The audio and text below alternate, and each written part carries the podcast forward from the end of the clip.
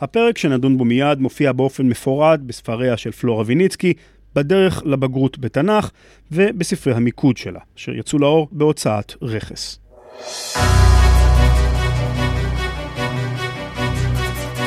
רכס, פרויקטים חינוכיים ופודקאסט ישראל מדיה מציגים בגרות דרך האוזניים, עם פלורה ויניצקי. שלום, ברוכים הבאים, שלום לפלורה ויניצקי. שלום רן. הפעם אנחנו ממשיכים את הפרק הקודם על קהלת. בפרק הקודם דיברנו על, נתנו הקדמה לקהלת ודיברנו על uh, שיר העטים בפסוקים 1 עד 9 ועל פסוקים 1 עד 14 שעוסקים בגורל שייעד האל לאדם ועל דמותו של האל. נכון. הגענו לפסוק 15 שבו נאמר מה שהיה כבר הוא ואשר להיות כבר היה והאלוהים יבקש את הנרדף. תסבירי לנו את הפסוק הזה, פלורה. המשפט אומר שהאירועים שהיו וחלפו, הם יחזרו על עצמם. ההיסטוריה חוזרת על עצמה. ומה הפירוש המשפט והאלוהים יבקש את הנרדף? את הביטוי הזה ניתן להסביר בשתי דרכים. הפירוש הראשון, לפי פסוק 15, מתקשר להיסטוריה. אלוהים מבקש שהאירועים ירדפו זה את זה, כלומר, שנחזור ונראה שוב ושוב אותם אירועים, כמו מלחמות, כיבושים, ניצחונות וכולי. הפירוש השני שונה לחלוטין, כשהוא אומר, והאלוהים יבקש את הנרדף, אה, זה מתקשר לפסוקים 16-17, שבאים מיד אחר כך, ובהם מדובר על חוסר הצדק והמוסריות האנושית. ובהקשר לכך, האל יבקש את דמם של הנרדפים מן הרודפים. Mm. כלומר, יעניש את הרודפים, העושקים, ויציל את הנרדפים מפניהם. אלו שני פירושים ממש ציוריים, אפשר לומר. כן, ציוריים. בפירוש הראשון, אני אצייר לך את זה. אני רואה גלגל ענק, שלצורך העניין הזה זה ההיסטוריה, והאל הוא כמעין אה, נער או נערת הגלגל, שמסובב את גלגלי ההיסטוריה. בפירוש השני אני רואה בריון, תדמיין את זה אותו, כן? בריון מרושע, רודף אחרי איזה קטנצ'יק עלוב חסר אונים, שזה הנרדף, והאל עוצר את הבריון, העושק, הרודף, ושומר על הנרדף המסכן, השוק. באמת ציורי. כן. אז הגענו בעצם לחלק השלישי של הפרק, פסוקים 16 עד 22, שעוסקים בנחיתות ובאפסות של האדם. כיצד זה בא לידי ביטוי? בפסוקים 16 עד 17 אה, לומדים על הנחיתות של האדם מבחינה מוסרית, כי הוא מעוות את המשפט דווקא בבית המשפט, שזה היכל המסמל את הצדק, את המוסר. אה, ובפסוקים 18 אה, עד 21, האדם נחות מבחינה פיזית, כי הוא אינו מותר, הוא אינו עדיף על הבהמה. זאת אומרת, זה מעניין, כי את אומרת ששלמה, שבעצמו היה השופט האידיאלי, בה"א הידיעה, יש לנו נכון את משפט הזונות המפורסם, נכון. ודווקא הוא אומר שבבית המשפט אין צדק? אכן, דווקא הוא, יש לו על מה להתבסס. כדי להבין את זה, אני אסביר שלמילה שם או שמה יש שתי משמעויות. בפסוק 16, הכוונה לבית הדין האנושי. שמה, כלומר, מקום המשפט שולט הרשע, ובמקום הצדק, שמה הרשע. דווקא שם יש את סילוף הדין והעוולות. וזה יכול ללמד אה, משהו על המהות האדם בכלל, שאין בו מוסריות. ובפסוק 17, קהלת מתנחם שאם אין צדק בעולם האנושי, שם, כלומר בבית הדין האלוהי, יעשה אלוהים את הצדק המיוחל. ובכך רומז לעולם הבא. אה, אבל בפסוק 21, הוא יסתור את עצמו כשיטיל ספק לגבי הישארות הנפש בעולם הבא. אלו הסתירות שדיברנו עליהן גם בפרק הקודם. אמרנו שהפרשנים טוענים שהסתירות האלה משקפות או דיאלוגים או מחברים נכון. שונים, או שקהלת מציג דעה ואז את העמדה הנגדית לה. תלמיד קשוב אתה, כן, אכן. זה מביא אותנו לפסוקים 18 עד 21, שזה קטע מטלטל, אפשר להגיד אפילו מקומם בהשקפה של קהלת, שזה ההשוואה של האדם לבהמה. כן. אה, וכאמור, זו מינות, כפירה, ברעיון שהאדם נברא בצלם אלוהים, ושהוא נזר הבריאה.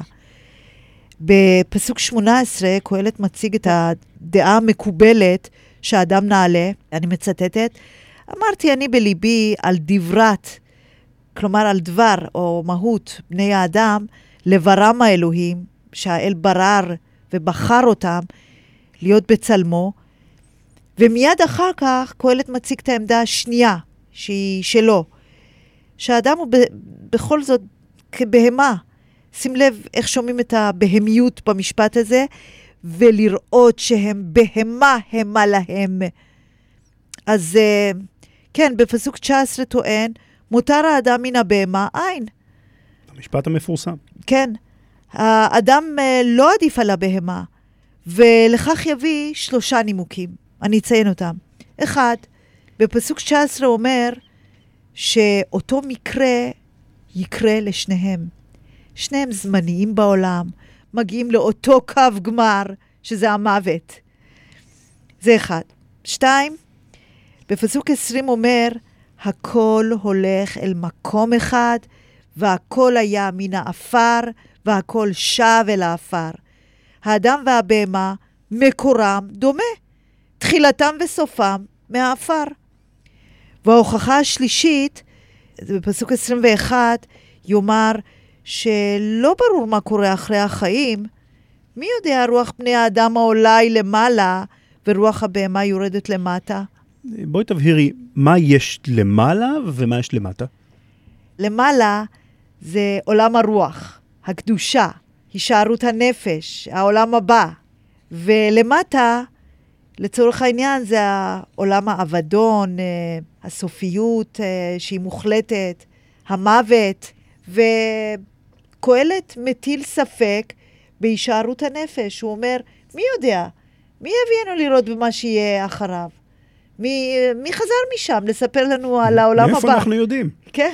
אז מעניין, זו סתירה לפסוק 17, ששם אפשר היה להבין שיש עולם הבא, אכן. ויש גם פה מינות, אותה כפירה, שבגלל הספק לגבי העולם הבא, שחז"ל ראו בו עיקרון מרכזי. אלו שתי הסיבות שבגללן רצו לגנוז את קהלת. כן, חשוב לציין שרעיון עולם הבא הוא לא מהמקרא, אלא מדברי חז"ל. אבל בכל מקרה, קהלת מסיים בנימה אופטימית, מנחמת, במסקנה, כיוון שאדם אין לו עדיפות על הבהמה ואין ודאות לגבי חיי העולם הבא, מה שנותר לנו כבני אדם אה, זה, וראיתי כי אין טוב מאשר ישמח האדם במעשיו. כן, אז בואו נסכם שקהלת הראה לנו את מהות האדם ללא שום התייפייפות. כלום. כדברי כן. החוקרת שרה יפת, קהלת מבטא את חירות רוח האדם לומר רעיונות שאפילו סותרים את ערכי היסוד בתנ"ך, כדי להציג את האמת הטהורה.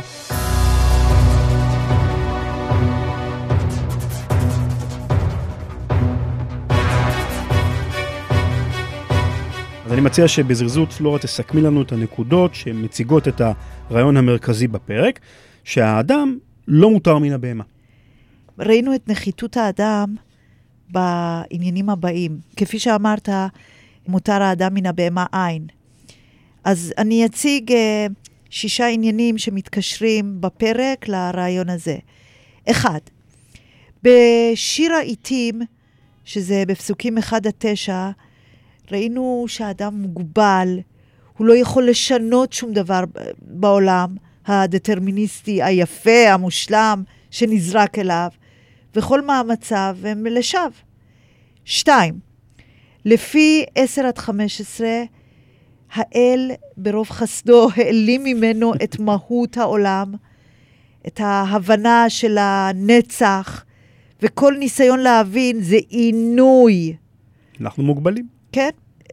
העניין השלישי, לפי 16 עד 17, גם בתחום המוסרי, אפילו בבית הדין האנושי, מקום משכן הצדק, אין צדק. והאל לבדו יבקש את הנרדף, את המוסר, בתקווה, כן? ארבע, ב-18 עד 19, הדמיון לבהמה הוא גם מבחינה פיזית. שניהם זמניים, והמוות יקרה להם. בפסוק 20, הוא טוען שהמקור שלהם זהה, שזה העפר, ממנו באו ואליו ילכו. ושש, בפסוק 20, כי אין ודאות לחיי העולם הבא.